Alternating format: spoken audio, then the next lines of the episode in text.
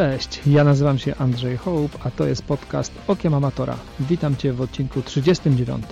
Moim dzisiejszym gościem jest Radek Pawłowski, człowiek, który balansuje pomiędzy karierą zawodową a karierą sportową, żyje trochę w rozkroku pomiędzy Stanami a Polską. Po naszej rozmowie widzę, że swój sukces zarówno zawodowy, jak i sportowy zawdzięcza przede wszystkim ciężkiej pracy. Radek opowiada o tym, jak e, mu się pracowało w Stanach, jak tam wygląda sytuacja ze sportem już od e, najmłodszych lat e, dziecięcych, jak trenował, skąd u niego w ogóle wziął się pomysł na triatlon, opowiada o tym, jak przygotowywał się do długiego dystansu, jak się zakwalifikował na Hawaje. Dzieli się też z nami swoimi przemyśleniami na temat Hawajów i dlaczego nie do końca był zachwycony tymi zawodami. Zapraszam Was do wysłuchania bardzo ciekawej rozmowy z ciekawym człowiekiem. Cześć, witam Was w kolejnym odcinku podcastu Okiem Amatora. Dzisiaj moim gościem jest Radek Pawłowski. Cześć Radku. Cześć, cześć, bardzo mi miło. Cześć, Radek. Słuchaj, przeglądałem sobie Twój życiorys tak trochę i widzę, że taka kariera trochę w amerykańskim stylu, e, studia w Stanach, prawnik. Powiedz mi, dlaczego Ty się nie zabrałeś za golfa, tylko wybrałeś triatlon? E, dlaczego się zabrałem? Akurat e, nie miałem takiej okazji, żeby trenować e, golfa, to też jest chyba sport taki, który wymaga chyba bardzo wczesnego poświęcenia. Mm, chociaż e, były takie okazje, bo, bo chodziłem do, e, do liceum w miejscu, gdzie no, takiej fajnej, fajnej szkoły, gdzie, gdzie był też, była drużyna golfiarzy natomiast e, wydaje mi się, że zawsze ciągnęło mnie trochę do, do sportów wytrzymałościowych, także sprawdzałem się e, na początku troszkę w pływaniu, w wioślarstwie głównie. Byłem wioślarzem w liceum, później na studiach wiosłowałem, a golf tak troszeczkę był na boku. No nie wymaga powiem takiego takiego zacięcia, chociaż, no nie wiem, nie znam się na tym sporcie. Ale słuchaj, ale wioślarstwo to też jest bardzo ciężka dyscyplina sportu mimo wszystko. Nie no, absolutnie, absolutnie. To jest naprawdę sport, który wymaga niesamowitego poświęcenia y, i no jest mega wytrzymałościowy. Wysiłek, który trzeba generować e, podczas e, startów wieślarskich. E, tak jak ja zaczynałem, to, to tam w wieku 14 lat, 15 lat zacząłem wiosłować. Na początku ścigaliśmy się na dystansie 1500 metrów, to jest taki juniorski dystans. Ścigałem się w czwórkach i to jest taki wysiłek koło mniej więcej 6-7 minut, czasami 5-6 minut. E, no to sobie można wyobrazić, jaką trzeba generować siłę podczas takiego e, wyścigu. No jest to zupełnie co innego niż e, trenowanie pod nie wiem, dystans, który wymaga godziny czy dwóch godzin wysiłku. Bardzo długie treningi na ergometrach, takich specjalnych maszynach wioślarskich. Każdy jest na siłowni. E, które są naprawdę bardzo ciężkie. W sumie trenuje się na nich, e, więcej czasu się spędza na nich chyba niż na łodzi. No ale jest to sport e, bardzo wytrzymałościowy. Jak spojrzymy na takich najlepszych wioślarzy, albo nawet, nawet jakichś tam średnich wioślarzy, to no, to są faceci naprawdę i kobiety, którzy, którzy są mega sportowcami. Y, jak patrzymy na ich wydolność, y, często później się sprawdzają bardzo dobrze też w innych sportach, pułapy te tlenowe. No, no właściwie wysiłek taki beztlenowy. Coś, można to porównać do, powiedział, do wyścigu na, mm, na, no tak jak mamy tutaj na 1500 metrów y, w bieganiu, albo w pływaniu coś w porównaniu do 800 metrów, może do 400. No taka wysiłek powyżej progu, E, właściwie w bardzo dużym poziomie zakwaszenia, e, bardzo bolesny. E, treningi polegają właściwie na takich interwałach 2, 3, 4 minutowych, 5 minutowych. Rzadko zdarzają się sesje jakieś tam półgodzinne czy godzinne, takie wysiłki. Oczywiście tam jakiś tlen się też robi, ale, ale skupia się na tym, żeby człowiek wytrzymał przez te 5-6 minut wyścigu w ogromnym zakwaszeniu, właściwie już po, po minucie, po dwóch, wchodzi się na bestlen. No i ci, którzy mają tolerancję na ten mleczan, chyba to się nazywa, nie wiem jak to są chyba mleczan, to, to ci są zazwyczaj najlepszymi wioślarzami. To jest tak kiedyś kolega, z którym wiosłowałem, zresztą e, olimpijczyk, e, złoty medalista olimpijski, z którym wiosłowałem, e, mi mówi właśnie o tym, że w wioślarstwie najlepsi są ci, którzy mają taką ogromną tolerancję na bardzo wysokie stężenia tego mleczanu. I to jest prawda, tak. No to, to, to, nie brzmi jak, jak przyjemny sposób na spędzanie wolnego czasu, e, bo faktycznie te treningi na pewno z, z, tego, co mówisz, e, bardzo ciężkie, nieprzyjemne, zresztą takie przebywanie ponad progiem, generalnie to, to nie jest nic przyjemnego, e, także widzę ewidentnie, że gdzieś tam cię ciągnęło do tego mm, sportu wytrzymałościowego, a jeżeli nie do wytrzymałościowego, tak od razu, to na pewno do sportu, w którym są ciężkie treningi, w którym gdzieś tam z tym bólem trzeba się pogodzić, zaprzyjaźnić i przez dłuższy czas e, obcować. E, Czyli już ustaliliśmy sobie, że golf to ewidentnie nie twoja dyscyplina. E, no ja tak zacząłem od razu o, o tych studiach w Stanach, ale czy liceum też kończyłeś w Stanach i stąd to wioślarstwo się wzięło, czy to jeszcze w Polsce? Tak, tak, tak. Ja wyjechałem do Stanów właściwie jako jeszcze dziecko. Miałem 10 lat, jak wyjechaliśmy. To był 87 rok. Moi rodzice to taka ostatnia fala politycznych e, emigrantów z Polski, czas PRL-u. Wyjeżdżałem, byłem w czwartej klasie podstawówki. E, spędziłem z rodzicami, z moim bratem e, rok we Włoszech. Czekaliśmy jako azylanci, żeby wyemigrować do Stanów. No i w wieku 11 lat 11 lat wylądowałem e, w bardzo fajnym miejscu w Stanach, bo e, przydarzyło nam się e, akurat mieszkać w takiej okolicy, gdzie fajnej, bogatej, w okolicach Princeton, gdzie, gdzie wiadomo jest bardzo tak. słynny uniwersytet, no ale oprócz tego bardzo, bardzo dobre licea. No ja miałem takie wysokie ambicje, szczególnie akademickie, no bo ten sport no to towarzyszył mi owszem też e, wszędzie. Ja w ogóle mam takie duże zacięcie do, do rywalizacji chyba, chociaż czasami ona też mnie stresuje bardzo, ale e, no miałem zawsze, no zawsze szukałem tego pierwszego miejsca, zawsze próbowałem być najlepszy, e, no szczególnie w szkole. No i tak jak przyjechałem, pierwszy to była szósta klasa podstawówki, siódma, to sobie tak zamarzyłem, i sobie tak e, ustaliłem i, i zrobiłem to, że złożyłem papier do takiego prywatnego liceum w Stanach, w Princeton. Liceum, które no, na całą okolicę jest e, bardzo znane, e, bardzo drogie, no i produkuje bardzo dobrych uczniów i później absolwentów, którzy idą na bardzo dobre uczelnie. No ja sobie taką e, ścieżkę obrałem i no nie było to łatwe, bo moi rodzice byli, nie byliśmy jakąś zamożną rodziną w porównaniu do tych osób, które tam uczęszczają, ale e, no, bardzo dobrze się uczyłem. No, rzeczywiście byłem wybitnie dobry w szkole. E, no i dostałem się do tego liceum, dostałem bardzo wysokie stypendium i uczęszczałem do tego liceum przez, na pierwszy rok się nie załapałem, znaczy nie, zdążyłem pójść dopiero na drugi rok, czyli trzy lata byłem w tym liceum. Szkoła się nazywa The Hand School of Princeton. E, no i tam e, na początku, e, jeśli chodzi o sport, no w ogóle sport jest obowiązkowy.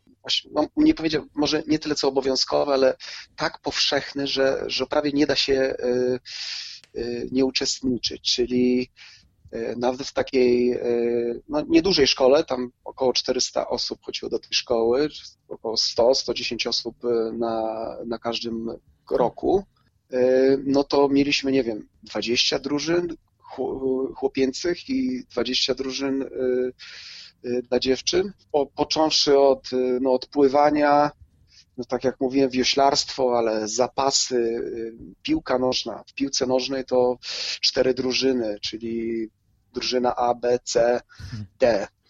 Y, to samo u dziewczyn. Y, hokej na trawie, y, koszykówka oczywiście, futbol amerykański, lekka atletyka, cross country, tenis, no do wyboru, do koloru i to jest, tak jak mówiłem,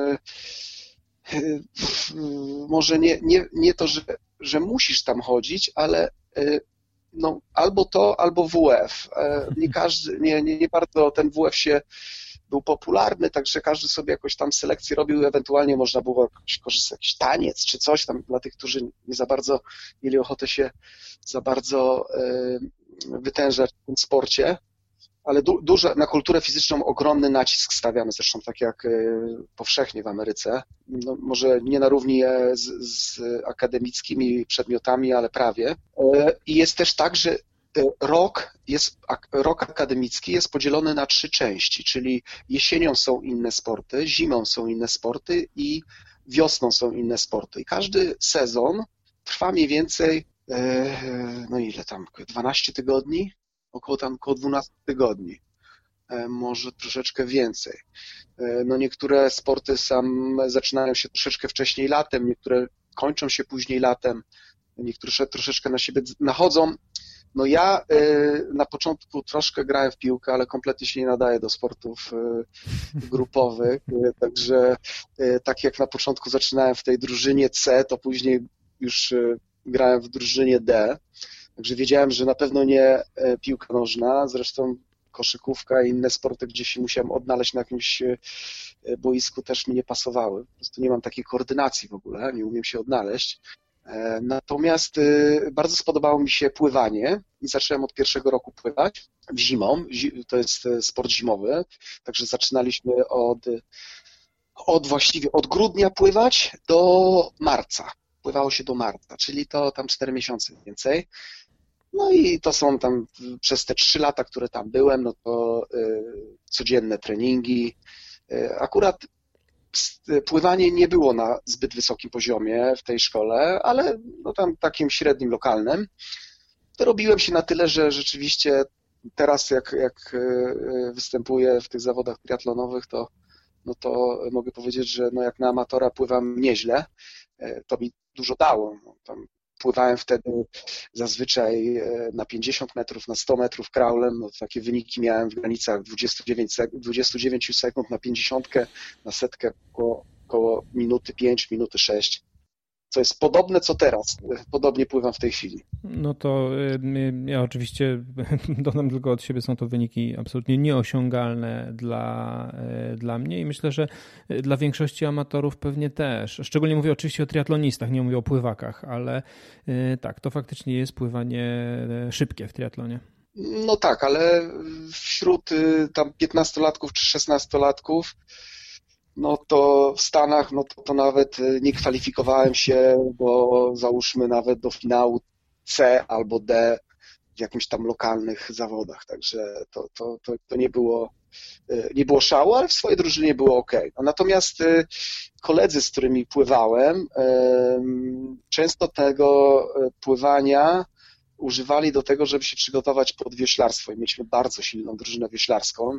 Dla mnie to było zupełnie coś nowego, bo nie znałem tego sportu oczywiście. Sport e, drogi, no, ogólnie, bo łodzie są drogie, trzeba mieć przystań. No i taki bardzo też e, prestiżowy w, w Stanach szczególnie, często dający możliwość później właśnie pójścia na dobrą uczelnię.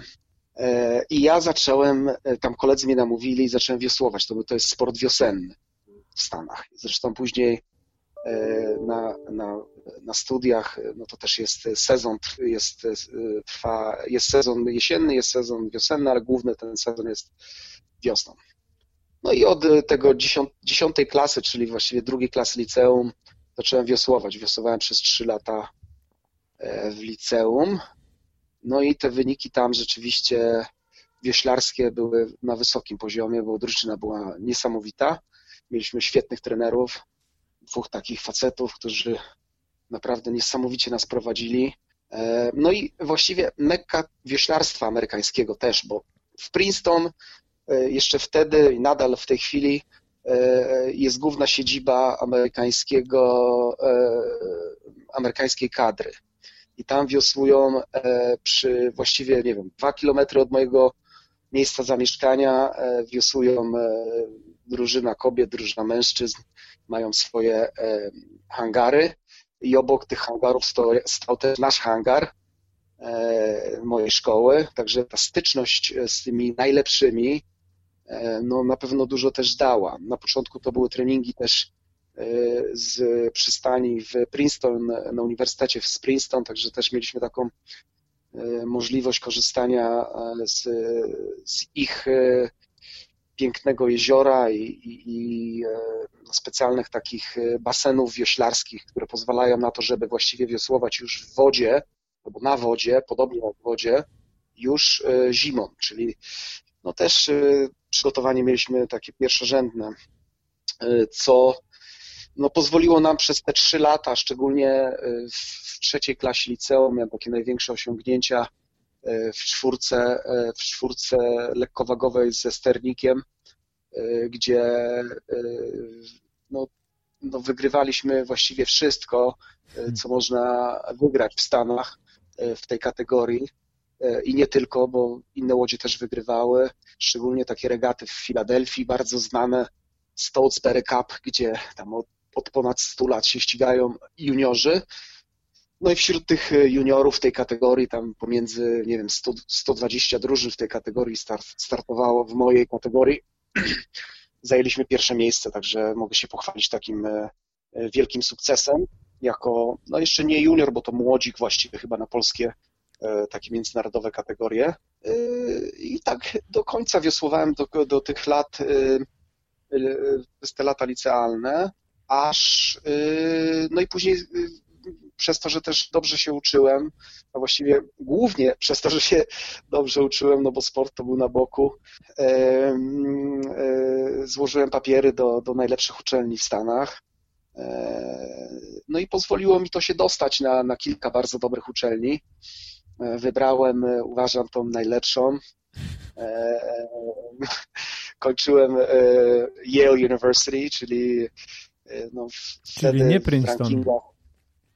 Nie Princeton, e, nie Princeton, ponieważ, znaczy z dwóch względów. Pierwszy, pierwszy, pierwszy z pierwszego względu dlatego, że nie dostałem się do Princeton. Ciężko było bardzo lokalnym osobom się dostać jednak tam, nie wiem, tam 5% aplikantów się dostaje, także nawet, nawet jak się ma niesamowite oceny, jest się, nie wiem, wybitnie dobrym sportowcem i tak dalej, to nie zawsze się to udaje. Tam jest po prostu bardzo konkurencja. E, e, dostałem się do Yale, to był najlepszy uniwersytet, do którego się dostałem. E, no i też chciałem być poza domem, bo no, jeżeli bym został w Princeton, rodzice by mieszkali zaraz obok, także też to nie było jakieś atrakcyjne. Oczywiście. I potem e, e, w Yale kontynuowałeś karierę wioślarską. Tak, tak, tak. E, wioślarstwo troszkę mi pomogło z tym, żeby się dostać, chociaż nie ma czegoś takiego w lidze bluszczu, czyli w tych najlepszych 12 uniwersytetach, nie ma czegoś takiego jak stypendium sportowe. W ogóle nie ma czegoś takiego jak stypendium, ani stypendium akademickie, nie ma, nie ma czegoś takiego. Jest, składa się papiery bez względu na to, jakie rodzice mają finanse, bez względu na to, te kategorie, te kryteria są tylko merytoryczne. I nikt nie dostaje stypendiów, no bo właściwie prawie każda osoba by musiała takie dostać, natomiast poszczególne kryteria pomagają się dostać. No i fakt, że no byłem dobrym wioślarzem, pomógł mi się dostać. I tak, zacząłem wiosłować, natomiast ta kariera moja wioślarska nie potrwała długo. Y, być może dlatego, że, y, że to no, rzeczywiście bardzo stresujący dla mnie był sport. Może, że te wysiłki właśnie, te krótkie, takie 5-6 minutowe y, za bardzo przy nich jakoś psychicznie się wykańczałem. Teraz z perspektywy czasu trochę żałuję, prawdę mówiąc, no bo trzeba było, mogłem to wytrzymać, no bo mm, chyba najbardziej straciłem z tego, że wyniki to wynikami, ale cała ta otoczka, to, to mm, e, drużyna, e, ludzie i całe ten, to doświadczenie to jest chyba dużo, dużo ważniejsze niż jakiekolwiek wyniki. Trochę się spaliłem w tym momencie. Tam, jak byłem, e, wiosłałem przez pierwszy rok. Później po pierwszym roku zdecydowałem się, że już nie będę tego robić, że to jest dla mnie za, za ciężkie spaliłem się, tak. To było takie energetyczne, psychiczne bardziej spalenie. nie mogłem trochę wytrzymać tego, że nie kwalifikowałem się właściwie do pierwszej łodzi.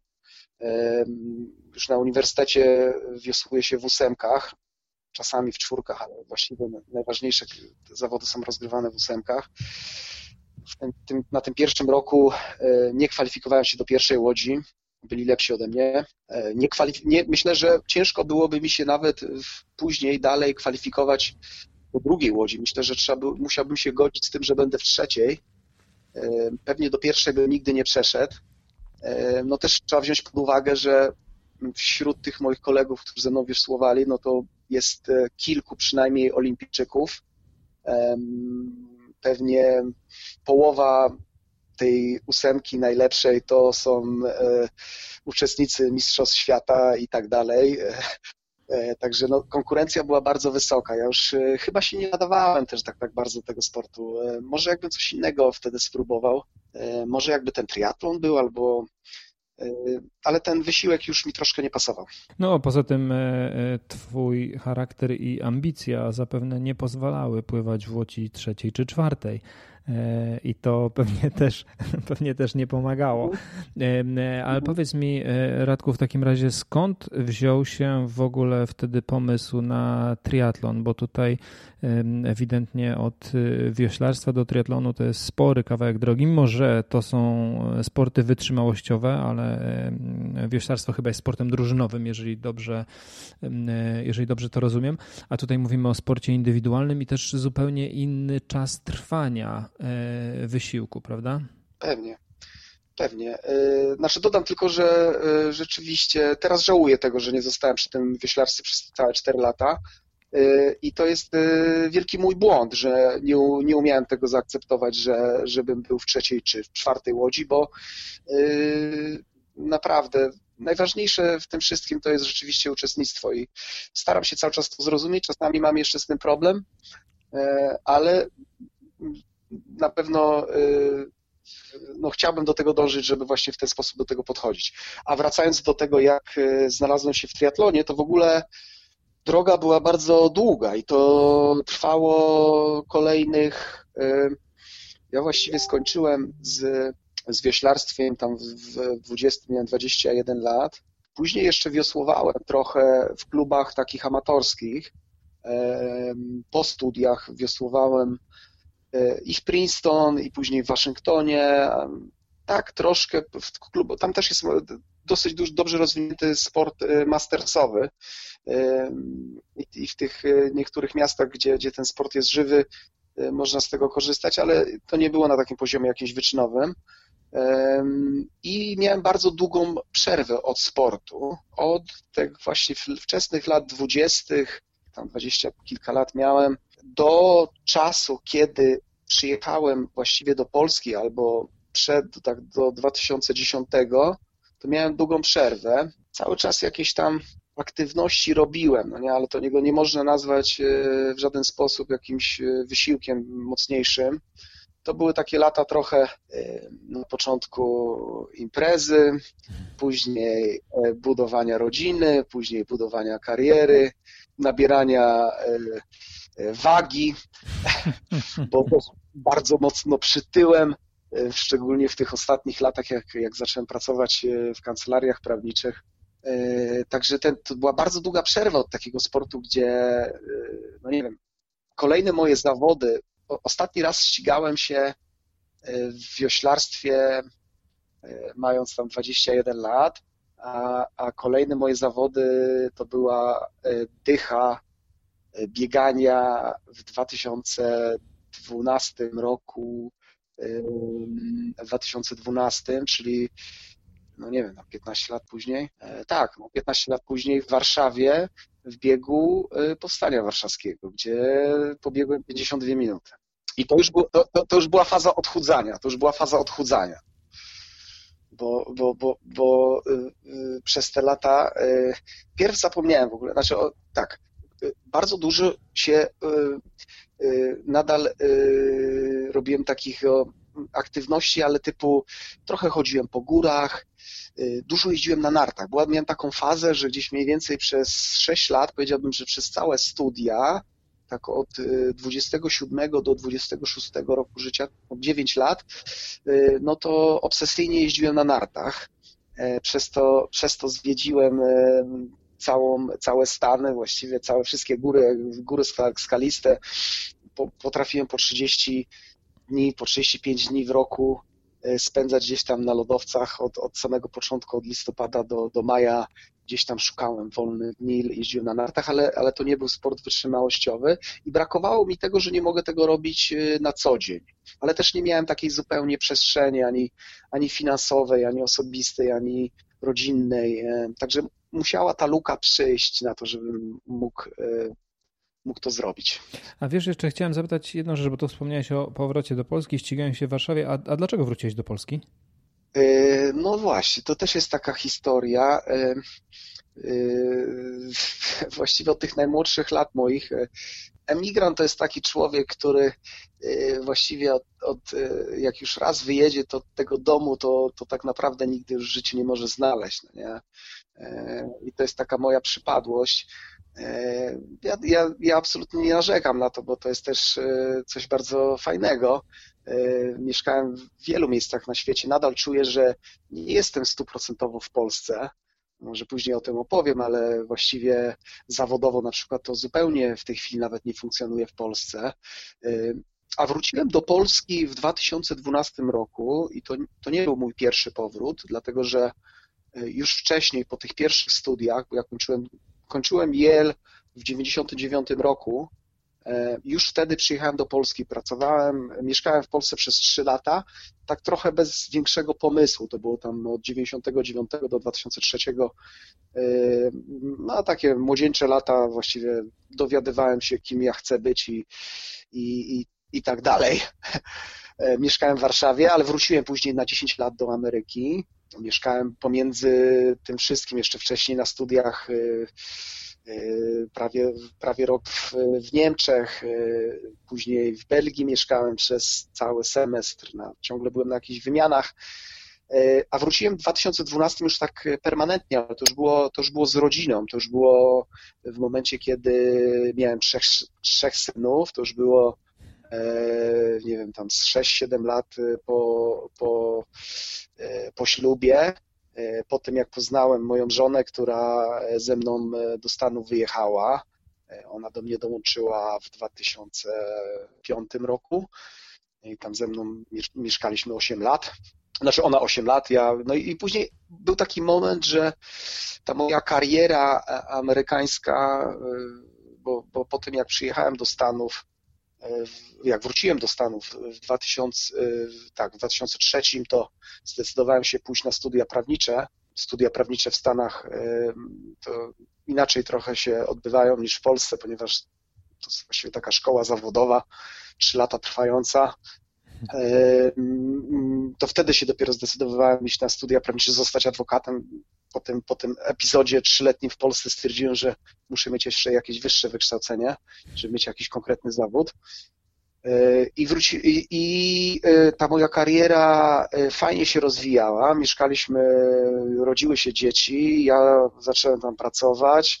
Też w różnych miejscach w Stanach mieszkaliśmy, bo to, to był czas, e, gdzie skończyłem studia w Nowym Jorku, później mieszkaliśmy rok w Delaware, pracowałem w sądzie amerykańskim, federalnym sądzie jako pomocnik sędziego, później po roku, bo to takie są roczne takie epizody y, dla prawników, takie praktyki właściwie, zacząłem pracować na Manhattanie i y, przez pięć lat pracowałem w kancelariach prawniczych, bardzo znanych, dużych, prestiżowych kancelariach, natomiast moje życie było dość słabe tam. Nie? Zarabiałem dużo kasy, wydawałem dużo kasy, dzieci się rodziły, E, mieszkaliśmy w Connecticut, ja dojeżdżałem na Manhattan, pracowałem mniej więcej średnio, nie żartuję, gdzieś tak 13-14 godzin dziennie, łącznie z sobotami i tyłem.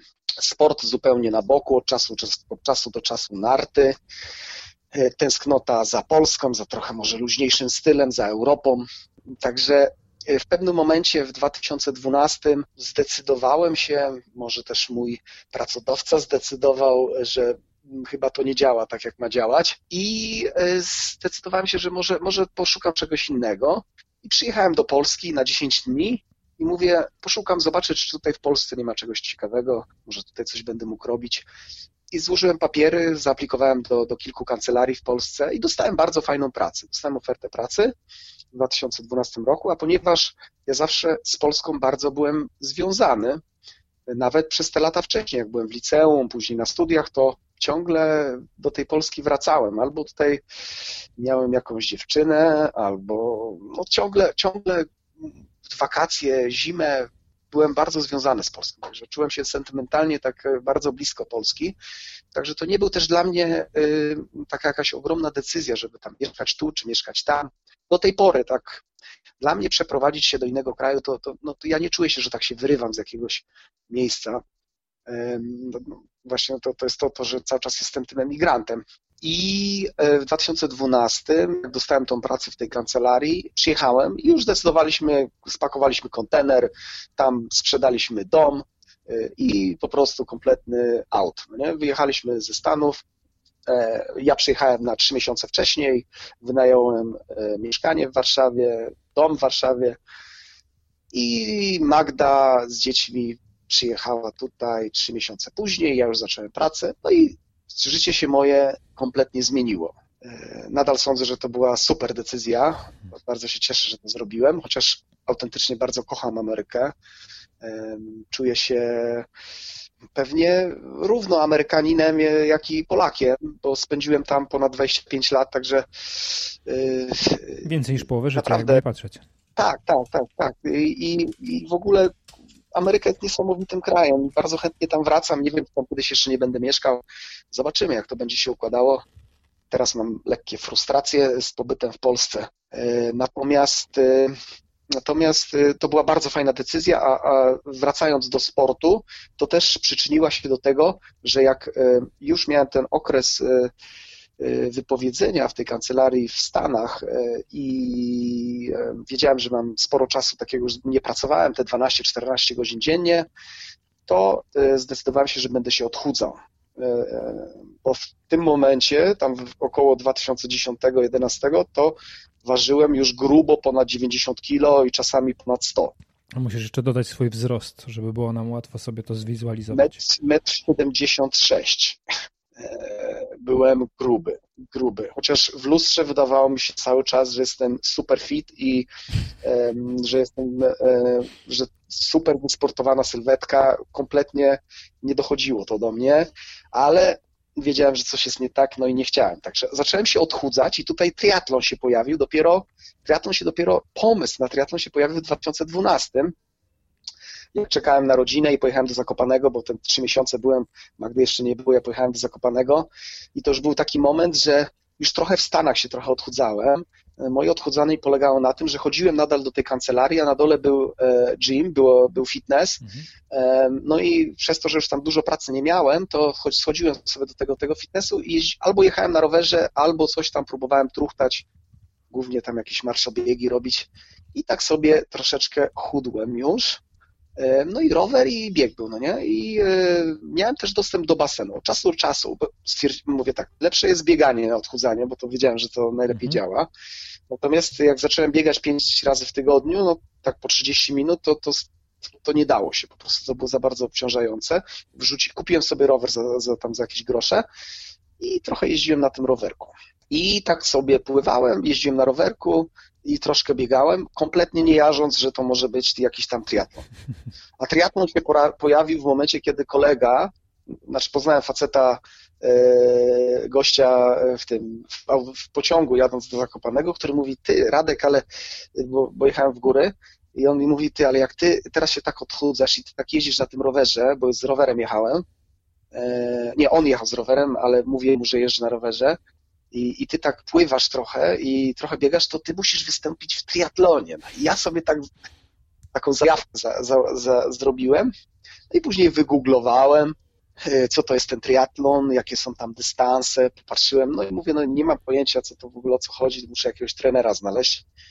No i wygooglowałem Mikołaja Lufta.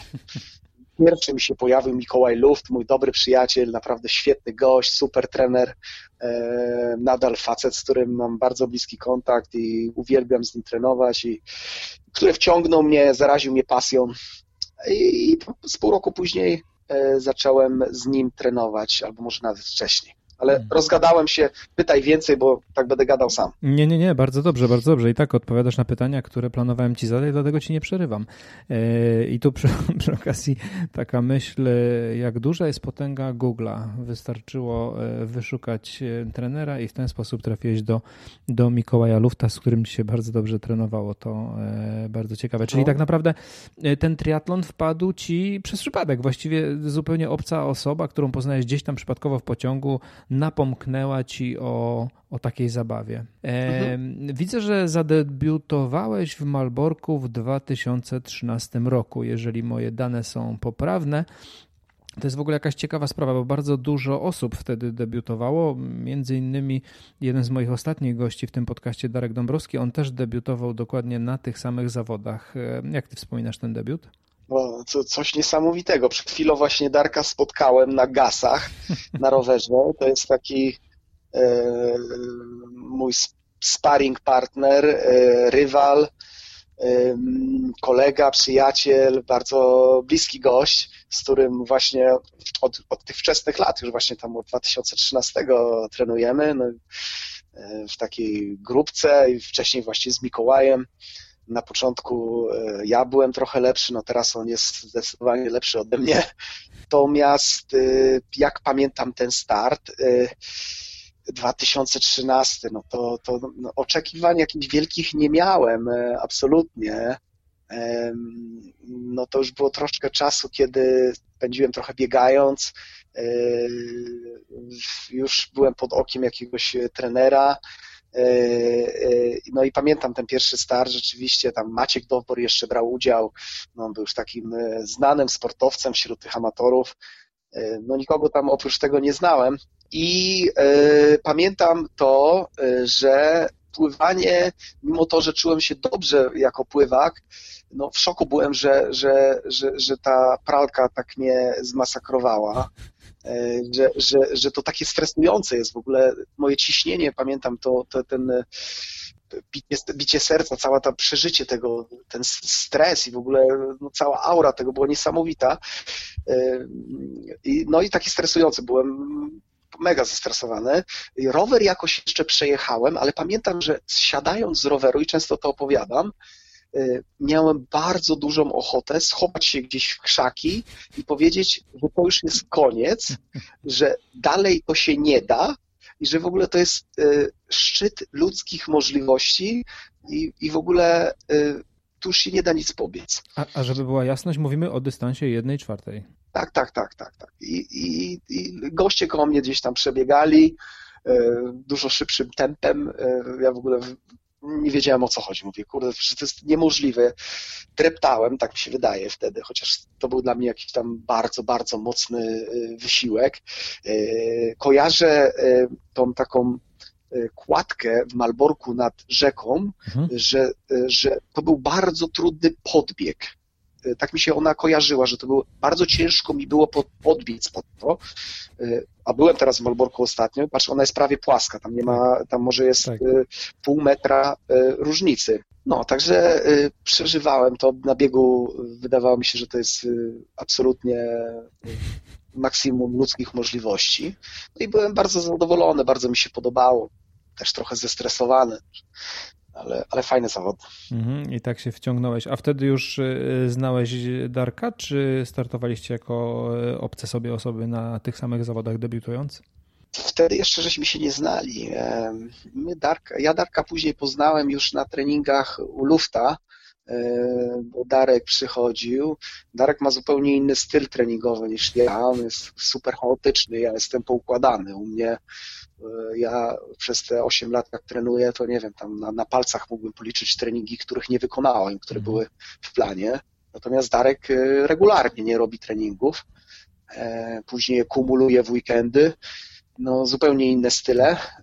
Natomiast no, Darek bardzo długo mnie gonił. Najbardziej zaprzyjaźniliśmy się chyba na obozach Mikołaja. To, to, to takie 2014, 2015, Szklarska Poręba, Fuerteventura, no kilka takich bardzo, bardzo fajnych wyjazdów, Teneryfa, gdzie ja, gdzie ja Mikołaj i, i, i Darek, żeśmy tam sobie bardzo mocno trenowali.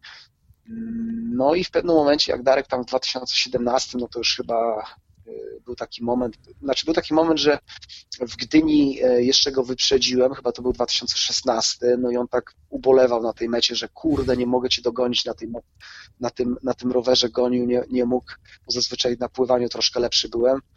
I później on zrobił taki niesamowity jakiś skok y, na bieganiu, gdzie, gdzie to było dla mnie kompletnie nie do osiągnięcia. Pobieg na czysto chyba poniżej 1,20, na dychę zaczął biegać tam około 36 minut. Y, mhm. No i to był, to był właściwie odlot y, i już od tamtego momentu nie zbliżam się raczej do jego wyników.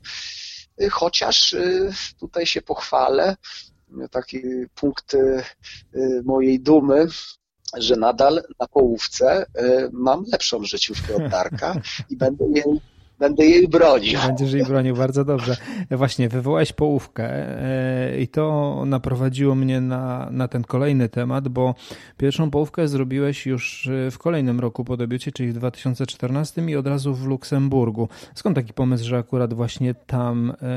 Wydaje mi się, że to raczej nie jest najprostsza trasa.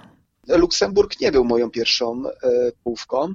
Już e, rok wcześniej startowałem i zresztą to był mój cel. W 2013 startowałem jeszcze pod szyldem Herbalife w Gdyni. Okay. E, I w Gdyni no to już był taki fajny wynik, chociaż marzyłem o tym, żeby złamać 5 godzin, tam chyba nie wyszło 5.06 w 2013 no i e, próbowałem to jeszcze raz e, pobić, znaczy złamać te 5 godzin e, w tym pierwszym sezonie w 2013 w Borównie. Też mi się nie udało, no ale tam to była taka takie zawody ze słynną odpływającą boją. Także w 2013 nie złamałem 4, 5 godzin. Chyba w 2014 już chyba tak, chyba już łamałem 4-5 godzin. A Luksemburg, Luksemburg, nie wiem, jakoś nie, Luksemburg nie jest ciężką trasą. Absolutnie. E, a, ale to też mm, przyszło mi do głowy, bo e, wracając do tych spraw moich zawodowych, e, ja właściwie mieszkam w, połowicznie w Luksemburgu. Po tym, jak zacząłem pracować w tej kancelarii prawniczej w Polsce, tam troszeczkę około roku później jeden z klientów e, kancelaryjnych poprosił mnie, żebym przeszedł do nich, e, do, do firmy e, jako główny prawnik i oni zakładali biuro w Luksemburgu. Ja zacząłem tam w takiej troszkę innej specjalizacji pracować w private equity i, i zacząłem no, troszkę inną karierę prawniczą, ponieważ no, praca prawnika w kancelarii, a praca prawnika w, w private equity, w, w, w małej firmie, gdzie tam 10 osób pracuje, no, zupełnie inaczej wygląda. To też pozwoliło mi się rozwijać sportowo, no bo miałem dużo, dużo, dużo więcej czasu. I ten Luksemburg, przez to też y, pojechałem do tego Luksemburga wystartować, y, chyba już z tych względów właśnie, że zaczynałem tam pracować w tym Luksemburgu. Okej. Okay. E, I trzy lata później zrobiłeś pełny dystans w Austrii, czyli trzy lata po debiucie, e, mam na myśli, czyli w 2016. Zgadza się, czy znowu gdzieś mi coś uciekło? Mm, chyba tak, chyba tak. E, w Austrii. Ja się długo, długo broniłem się przed tym, żeby nie robić długiego dystansu. Zresztą nadal zalecam ludziom, którzy młodszym kolegom albo tym, którzy zaczynają jeszcze przygodę, żeby naprawdę absolutnie do takiego dystansu się e, nie rwać za szybko. Mhm. E, ja broniłem się przed tym, czułem się absolutnie niegotowy na to, e, żeby startować na tym długim dystansie przez długi czas.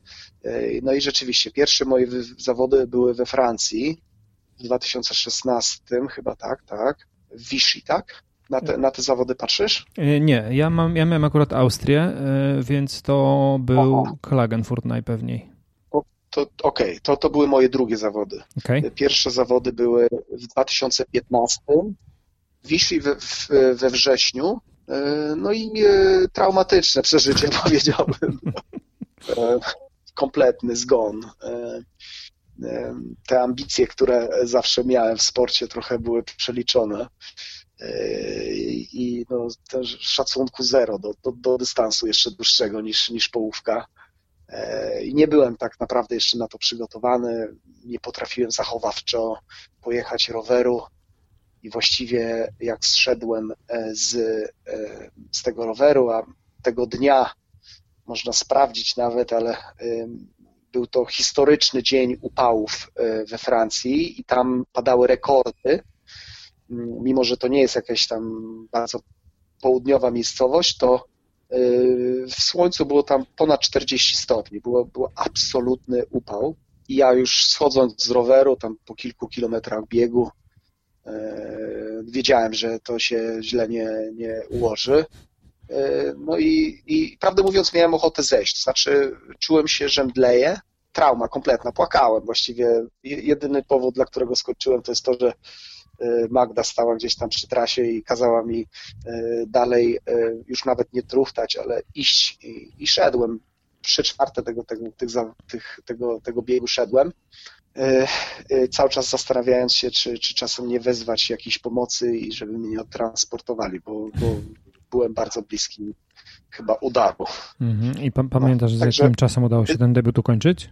Yy, chyba 10 godzin 10,5 godziny, jakoś tak chyba, nie? Coś mi się wydaje, że to było 10, 10 godzin, może 30 albo 40 minut. Mhm. Pływanie bardzo szybkie. Myślę, że się tam zawinąłem około godziny. Rower też niezły, około 5 godzin, 5, może 5, 5 z hakiem. Za szybki rower, jak na ten pierwszy raz. No i później płaciłem na, na bieganiu, także mhm. e, tym, którzy startują na tym dystansie po naprawdę radzę po pierwsze poczekać, zrobić z 10 połówek i poczekać ze 3 lata i bardzo zachowawczo. Naprawdę te pierwsze zawody to trzeba mega, mega luźno pojechać. Mimo wszystko cię to nie zniechęciło i kontynuowałeś swoją karierę z długim dystansem, e, zwieńczoną zresztą na Hawajach, do czego pewnie za chwilę dojdziemy. E, powiedz mi, a teraz dalej trenujesz z Mikołajem Luftem? E, z Mikołajem nie, nie trenowałem przez y, kilka lat. Y, y, natomiast ta nasza, te nasze relacje zaczęły być bardziej takie właśnie koleżeńskie, przyjacielskie i poczułem, że jednak chyba większa dyscyplina i no, większy taki bacik będzie potrzebny i, i zdecydowałem się, że, że jednak przejdę do, do, do, do Tomka Kowalskiego i od chyba od 2017, od 2000, tak, od 2017 trenuję z Tomkiem Kowalskim. No i, i a nadal z, z Mikołajem zimą szczególnie, ale często, często trenuję, biegamy razem co środę, chodzimy na wspólne treningi, czasami pływamy, chętnie z nim jeżdżę na obozy, ale trenuję, trenuję z Miko, treningi rozpisuje mi Tomek Kowalski. Dobrze, no musimy teraz y, iść w stronę tych Hawaii, bo to y, mimo wszystko taki dosyć ciekawy y, kamień milowy, ciekawe wydarzenie. No ta twoja mhm. droga była dosyć długa, zwieńczona zawodami w 2019 w Estonii, jeżeli mnie tutaj moje dane nie mylą. Powiedz mi, mhm. tobie zależało na tym, żeby się dostać na te Hawaje, czy to wyszło jakoś przez przypadek? Już tak, już mi zależało, bo już po prostu miałem tego wszystkiego dość. E, startowałem na ośmiu Ironmanach, e, wszystkie były jeden po drugim, czyli dwa rocznie. E, i byłem już wykończony tym całym kolejnym cyklem, już nie miałem siły kolejnego robić, miałem dosyć tego wszystkiego, także czekałem na to. Czy, czy to była presja wewnętrzna, czy zewnętrzna, to powiedziałbym, że Hawaje same w sobie nie były jakimś takim moim e, ostatecznym celem, wręcz e, nadal uważam, że to nie są jakieś najfajniejsze zawody na świecie. Może dla innych e, tak. Zawsze miałem plan, żeby ten sport uprawiać w taki sposób, żeby on mógł długo trwać, żebym czerpał z niego przyjemność, żebym mógł go robić przez wiele lat. I Hawaje, a, taki, a, takie, a to, to to, czego trzeba, żeby zakwalifikować się na Hawaje, no to, no to, jest, to jest bardzo, to, jest, to, to wymaga bardzo dużej pracy i takiego poświęcenia, niekoniecznie zawsze pozytywnego i dlatego nie podchodziłem do tego jakiego takiego, e, nie wiem, jakiegoś e, końcowego mojego apogeum, jakiegoś najważniejszej, najważniejszego celu. Tak, owszem, chciałem. Uważałem zawsze, że stać mnie na to i że będę na tych Hawajach. Zresztą nadal twierdzę, że jeszcze będę na Hawajach, bo uważam, że może nawet teraz może będzie mi się łatwiej do, dostać na nie. Natomiast nie, nie, traktuję tego tak, że po pierwsze na pewno nie chciałbym tam co roku jeździć. Nie są to najlepsze zawody. Jest duża presja zewnętrzna i taką czułem przez 4 lata, że o Boże, tam już ten, na tych Facebookach wszyscy się rozpisywali, już wszyscy, żebyś pojechał na te Hawaje. Ja też już zacząłem sobie taką bajkę robić, że to na te Hawaje trzeba jechać, ale prawdę mówiąc, ten 2019 to już miałem tak wszystkiego dosyć, już mi się tych treningów w ogóle nie chciało. Te cykle y, są bardzo ciężkie, już nie, nie same zawody. Zawody oczywiście też są bardzo ciężkie, y, y, ale no nie wiem, te 12 tygodni przed, gdzie trenuję po 20 godzin tygodniowo, no są są słabe ogólnie. To nie jest coś takiego, co, co, co, co jest przyjemne, z czego, co jest fajne. No oczywiście da się to zrobić, y, ale jak się robi to 8 razy pod rząd, to już jest słabe. Także tak, y, chciałem już jechać. Ta Estonia się bardzo, bardzo ucieszyłem, że będzie. Jechałem e, na Hawaje zmęczony, bardzo, już taki sfrustrowany tym wszystkim. To, że musiałem jeszcze wydać na to kupę kasy y, i robić to w takim momencie, gdzie to psychicznie już mi się nie za bardzo chciało i tak dalej, no to oczywiście pojechałem i było to bardzo fajnie i, i są, zawody są rzeczywiście mega. Chciałbym tam kiedyś pojechać y, bardziej wyluzowany. Jeżeli będę to robił, to na pewno nie będę to robił tak, żeby kwalifikować się na 8 tygodni przed, tak jak się kwalifikowałem tutaj w Estonii, bo bo to jest słabe, po prostu no, prawie niemożliwe się później jeszcze raz y, tam cokolwiek zrobić na tych Hawajach.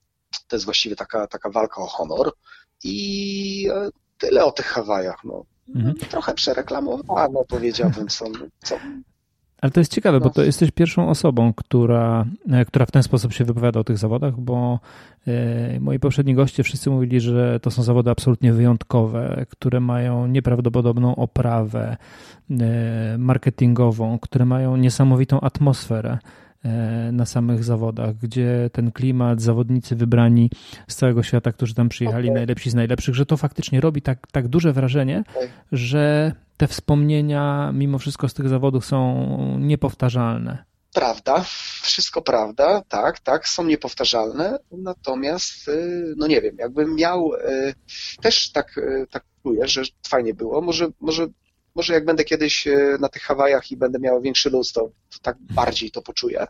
E, natomiast, nie wiem, jakby mi dać do wyboru, czy wolałbyś Radek jechać na Hawaje czy złamać 9 godzin e, w Ironmanie, to powiedziałbym, że wolę złamać 9 godzin, bo jednak takie osiągnięcia dla mnie sportowe są ważniejsze niż jakieś tam bajery tego, że jakaś aura, że jakiś tam marketing. Płacić 5 tysięcy dolarów na to, żeby pojechać na zawody, no okej, okay, no mhm. wszystko fajnie, ale yy, tak naprawdę bardziej się cieszę autentycznie, bardziej się cieszę ze swojej połówki w Elsinor, 4,14 na połówce, co uważam za świetny wynik, niż mojego wyniku na Hawajach, bo, bo mój wynik na Hawajach to były słabe zawody dla sportowca, no nie? Dla mnie jako sportowca, gdzie mam ciśnienie na, na wynik, no to są słabe zawody. Yy, wolałbym złamać 9 godzin. Widzisz, i tu znowu no, przemawia, przez ciebie, przemawia przez ciebie e, charakter i ambicja tak? Ambicja o to, żeby być pierwszym, najlepszym i stąd pewnie to, co powiedziałeś, czyli wolę złamać 9 godzin, niż e, jechać po raz gdzieś tam kolejny na Hawaje. No zdecydowanie, zdecydowanie tak. tak. E, ale wiesz co, wywołałeś jeszcze jeden temat, e, który chciałem poruszyć, bo powiedzieć, że Hawaje wcale nie uważasz, że to są najlepsze zawody, na jakich byłeś. To powiedz mi, które zawody na pełnym dystansie są najlepsze Twoim zdaniem, albo które Ci się najbardziej podobały po prostu? To znaczy, nie byłem na zbyt wielu y, i dlatego pewnie, jeżeli będę się decydował y, dalej startować na pełnych, to pewnie jeszcze będę chciał pojeździć trochę po świecie i po, po, pooglądać inne zawody. No, Hawaje na pewno są mega fajne. Tutaj z tych, których ja brałem udział, dwa razy startowałem w Klagenfurcie, startowałem we Włoszech, startowałem w Vichy, startowałem w Afryce, w RPA i gdzie jeszcze startowałem? A, i w Maryland, w Stanach. No to z tych wszystkich to powiedziałbym, że, znaczy tak, równie fajne były, znaczy było kilka połówek, które są świetne. Zawsze Mistrzostwa Świata na połówkach wspominam bardzo dobrze, szczególnie te pierwsze moje mistrzostwa w Australii, to, to były niesamowite. Bardziej mi się chyba tam podobało niż, niż na Hawajach, może dlatego, że to dla mnie taki był ogromny sukces tam pojechać, wtedy się pierwszy raz zakwalifikować. To ta Australia była niesamowita. Natomiast RPA E, jeśli chodzi o cały, no to jest e, kultowe miejsce, naprawdę niesamowite. E, bardzo mi się tam podobało, fajne zawody, ciężkie, dużo wiatru, piękna aura, dużo lepsza trasa kolarska niż na Hawajach. Ogólnie trasa na Hawajach kolarska to jest słaba, niebezpieczna, nudna, brudna, no taka. No i Klagenfurt Dwa razy byłem w Klagenfurcie, chociaż trochę mi się już znudził. Tam jest też perfekcja. Nie? Tam jest y, no, no, cudowne miejsce, bliskie z Polski, bardzo dobre dla Polaków. Uważam, że to jest miejsce dla, do startowania. Y, Estonia też, też, też fajne bardzo zawody. Absolutnie tip-top. Jeśli bym miał wybierać, y, jeśli miałbym doradzać dla osoby, która chce debiutować, to wybierać zawody takie, które są rzeczywiście w takiej naszej trochę strefie geograficzno-klimatycznej, E, na pewno ten start w Estonii był dla mnie łatwiejszy niż Hawaje czy, czy, czy RPA, no bo przez to, że dużo łatwiej mm, się e, zaklimatyzować. A, a w, w, przyszłości myślę, że będę chciał w Stanach wystartować na jakichś fajnych zawodach. E, Ameryka Południowa nie udało mi się wystartować jeszcze w Argentynie, w Brazylii, Kalifornii. Myślę, że to będą moje takie kolejne cele. Będę się na, e, nastawiał na jakieś fajne wyniki. E, na połówkach zresztą też. No. Na połówkach będę walczył jeszcze o, o poprawienie tego 4.14. Będę no i będę cały czas raczej, raczej walczył o czas, nie, nie o kwalifikacje. Te, te, te sloty, to wszystko, no to jest wszystko fajne, ale tak naprawdę to, to chciałbym wygrywać i, i poprawiać się w tych dyscyplinach. E, wiesz co, to jeszcze tutaj trochę prywaty chciałem przemycić, a powiedz mi, Estonia na debiut na pełnym dystansie się nadaje? Bardzo. Uważam, że to świetna dla Polaków. Okay. Bardzo fajna trasa, przygotowanie, mniejsze trochę zawody. Przez to też, że to jest bliżej i no jednak ta pogoda jest bardzo podobna jak w Polsce, to, to, to tego się tak nie odczuwa. Także polecam. Bardzo, bardzo fajne zawody. No. Okej, okay, to bardzo dobrze. Uspokoiłeś mnie trochę. Dobrze. E, wracajmy e, dalej do, do kolejnego punktu. Powiedz mi, bo wspomniałeś o takim tym przygotowaniu do pełnego dystansu 20 godzin tygodniowo, e, plus oczywiście praca e, w kancelarii. Jeszcze do tego usłyszałem e, trójka dzieci, żona. Jak ci się udaje to wszystko godzić ze sobą i jeszcze mieć czas na trening? No, nie ukrywam, że czasami jest to ultra napięty harmonogram. Dużo wyrzeczeń, takich też trochę powiedziałbym czasami później skutkujących negatywnymi jakimiś konsekwencjami. Można to robić, y, jak się ma jakieś takie założenie. Ja to tak zawsze zakładałem, że no to jest te właśnie 12 tygodni, no i jadę z tym, no nie? 12 tygodni, odblokuję po prostu, że mentalnie to to, to jest to, co ja będę robił. Nie wyjeżdżam na żadne inne wakacje, wszystko jest pod sport. Y, no ta praca moja bardzo mi z tym pomaga dotychczas y, w tych miejscach, w których pracowałem, albo nie wiedzieli, że tyle trenuję, albo się jakoś do tego naginali. Y, ja się też to wszystko naginałem. Y, no i stawiałem wszystko na to, żeby, żeby to jakoś wcisnąć, no ale to często też jest tak, że no, praca od rana w środku, ciężko mi też jest w tych, szczególnie w tych ostatnich y, cyklach, jak przygotowałem się do Estonii, do tych ostatnich kilku zawodów, to już bardzo rzadko wstawałem, tak jak niektórzy moi koledzy gdzieś tam o 5 czy 6 rano wstają, robią te te bloki treningowe. Ja raczej nie jestem takim porannym ptaszkiem, także nie wiem, zaczynam pracę, e, od 8 rano zaczynam maile, pracuję, pracuję, pracuję do 10. Po 10 robię pierwszy trening, załóżmy albo bieg, albo rower, albo pływanie e, godzina, dwie, czasami trzy, później znowu siadam 3-4 godziny do pracy, później drugi trening, no i później wieczorem znowu, znowu praca jakieś tam godzina, dwie. No i z tego się skleci te 8 godzin y, pracowania.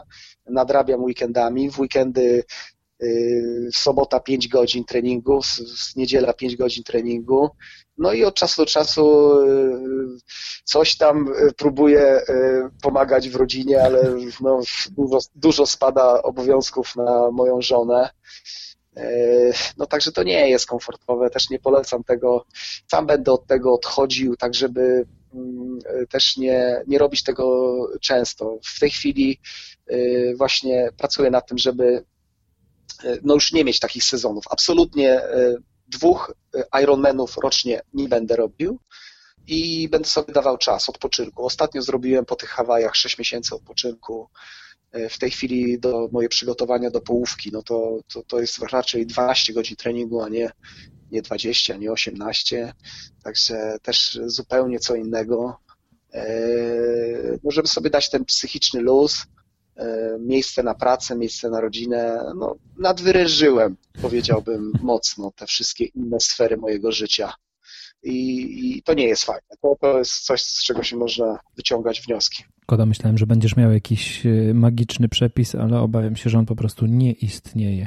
E, natomiast fa fajnie, że też Twoja praca pozwala Ci na to, żeby te treningi gdzieś tam w miarę e, zgrabnie wplatać w te godziny, że to nie jest taka praca od do, ale możesz sobie pozwolić, żeby w środku dnia zrobić ten trening wtedy, kiedy akurat Ci pasuje. Na pewno też nie zawsze się to da, ale jak się da i jest taka możliwość, no to to na pewno, na pewno pomaga.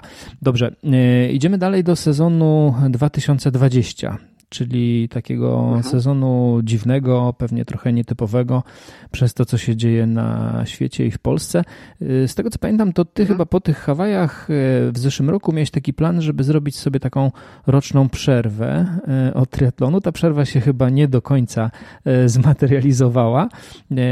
No i z drugiej strony powiem szczerze, jak na przerwę w triatlonie, to podium w Malborku, podium w Płocku, to całkiem ta przerwa ci dobrze przysłużyła się. No, Andrzej, żebyś wiedział, to też jest taki trochę efekt uboczny tego, e, że, e, że bardzo luźno ten rok potraktowałem i mm, więc tak, e, ta moja deklaracja, że ten sezon nie startuje, to, to prawie wytrzymałem. No nie? To znaczy zacząłem trenować dopiero, dopiero pod koniec lipca. Wcześniej to absolutnie żadnego planu i tak dalej. E, I, I te starty były, e, po pierwsze, nie, nie wystartowałem w tym roku na niczym innym jak na ćwiartkach, także to jest zupełnie co innego. To było sześć ćwiartek, e, to, to, to, to, jest, to, to naprawdę nie, nie, nie zrobiło do mnie jakiegoś fizycznego na mnie wrażenia. Deklarowałem się mojemu trenerowi, rodzinie i tak dalej, że tam nie trenuję i w ogóle zero. I, i tak sobie tylko jeździłem na rowerze, bo bo, bo psychicznie tego potrzebuję. To znaczy bez żadnego zegarka, nawet nie miałem zegarka do lipca, jeździłem od, tak, od, czasu do czasu z Darkiem, od czasu do czasu z Mikołajem, z kolegami, bez zegarka, bez pomiaru, bez niczego. I y, w lipcu, tam w, w, czerwcu troszkę zacząłem, y, o, spędziłem y, kilka tygodni z Darkiem Dąbrowskim nad morzem. O i tam żeśmy sobie trochę trenowali i Darek jechał do Goldapi na jedną czwartą.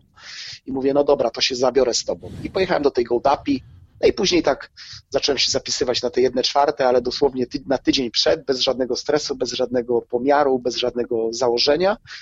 No i tak mi, tak mi ten sezon po prostu zleciał. No i jak widać, to gdzieś tam się sprawdza, bo tak jak powiedziałem, mamy podium w Malborku, podium w Płocku. E, tych poprzednich zawodów e, chyba nie odnotowałem wyników, ale e, widać, że taka przerwa gdzieś tam pomaga. Bardzo. Nie, to mhm. każdemu polecam. Bardzo dobrze na mnie to wpłynęło. E, przyznam się teraz e, e, tak skromnie, że zdecydowałem się przez to, że, że taka forma mi zaczęła się właśnie już wyrabiać po tych, po tych ćwiartkach, że za cztery tygodnie lecę do Turcji mm. i na będę połówkę. próbował na połówkę, tak. Będę próbował walczyć o slota, o jakiś dobry wynik, tam jest szybka trasa 1 listopada będę startował na jednej, na połówce. No, także teraz troszeczkę mocniej trenuję. Przez następne cztery tygodnie trochę potrenuję. Doskonale, doskonale. Dobrze, e, Radek, wiem, że czas nas goni. Zostało mi jeszcze tylko ostatnie pytanie. E, powiedz mi, jakie masz plany na przyszły sezon? Te najbliższe plany to już znamy. To będzie Turcja za cztery tygodnie, a co dalej? Okej, okay. E, więc e, po Turcji deklaruję ponownie, że robię przerwę, e, bo super mi te przerwy robią. Nawet jakieś tam było namawianie, żebym coś tam próbował się kwalifikować na pełnego z połówki w Chinach w, w kwietniu, bo są takie możliwości, ale odchodzę od tego pomysłu. E, będę jeździł na nartach, e, będę jeździł na biegówkach, e, będę spędzał więcej czasu z rodziną, będę sobie lekko trenował, może tam zacznę od gdzieś grudnia i zobaczymy, co się będzie działo wiosną. I na razie planuję sezon, sezon połówkowy. 2021 sezon połówkowy, bardzo fajnie się czułem tego sezonu, zero jakiegoś stresu psychicznego, co wcześniej mi bardzo towarzyszyło przez kilka lat, przez te całe... Może jestem połówkowiczem, no nie? Może jestem połówkowiczem, no chyba te, te, ten wysiłek też trochę mi bardziej pasuje. Y, ten pełny dystans mnie strasznie wykańcza. A czy, czy kiedyś zrobię jeszcze pełnego? Pewnie tak. Y, no nie, no pewnie tak, no nie, ale w 2021 na razie nie deklaruję i raczej się będę od niego z daleka trzymał, a ciekawe połówki, może jakaś właśnie Ameryka. Zobaczymy, jak się będzie też rozwijała sytuacja wirusowa, ale pewnie, pewnie będę próbował jakieś połówki y, wchodzić w ćwiartki tak jak, jak dotychczas. Nie sądzę, że jesteś połówkowiczem, bo gdybyś był połówkowiczem, nie dostałbyś się na Hawaje. To mimo wszystko nie jest takie proste. Są ludzie, którzy próbują, im się to nie udaje nigdy. Także myślę, że za nisko tutaj oceniasz te swoje możliwości. Ale e, tak jak mówiłem, podsumowując już całą naszą tą rozmowę, no to ja w takim razie trzymam kciuki, życzę Ci wszystkiego dobrego w Turcji, dobrego startu i być może kwalifikacje Dziękuję. na Mistrzostwa Świata. Gdzie są Mistrzostwa Świata w przyszłym roku? Y, w bardzo fajnym miejscu, w Utah, y, w Stanach, także y, zależy mi na tym, żeby, żeby tam się pojawić. To, to będzie na pewno bardzo fajne miejsce na zawody. Doskonale. Trzymamy kciuki i tym samym moim i waszym gościem był dzisiaj Radek Pawłowski. Dzięki Radku. Bardzo dziękuję Andrzej. Ja też wszystkim życzę wszystkiego najlepszego i, i powodzenia w sporcie i w życiu. Cześć.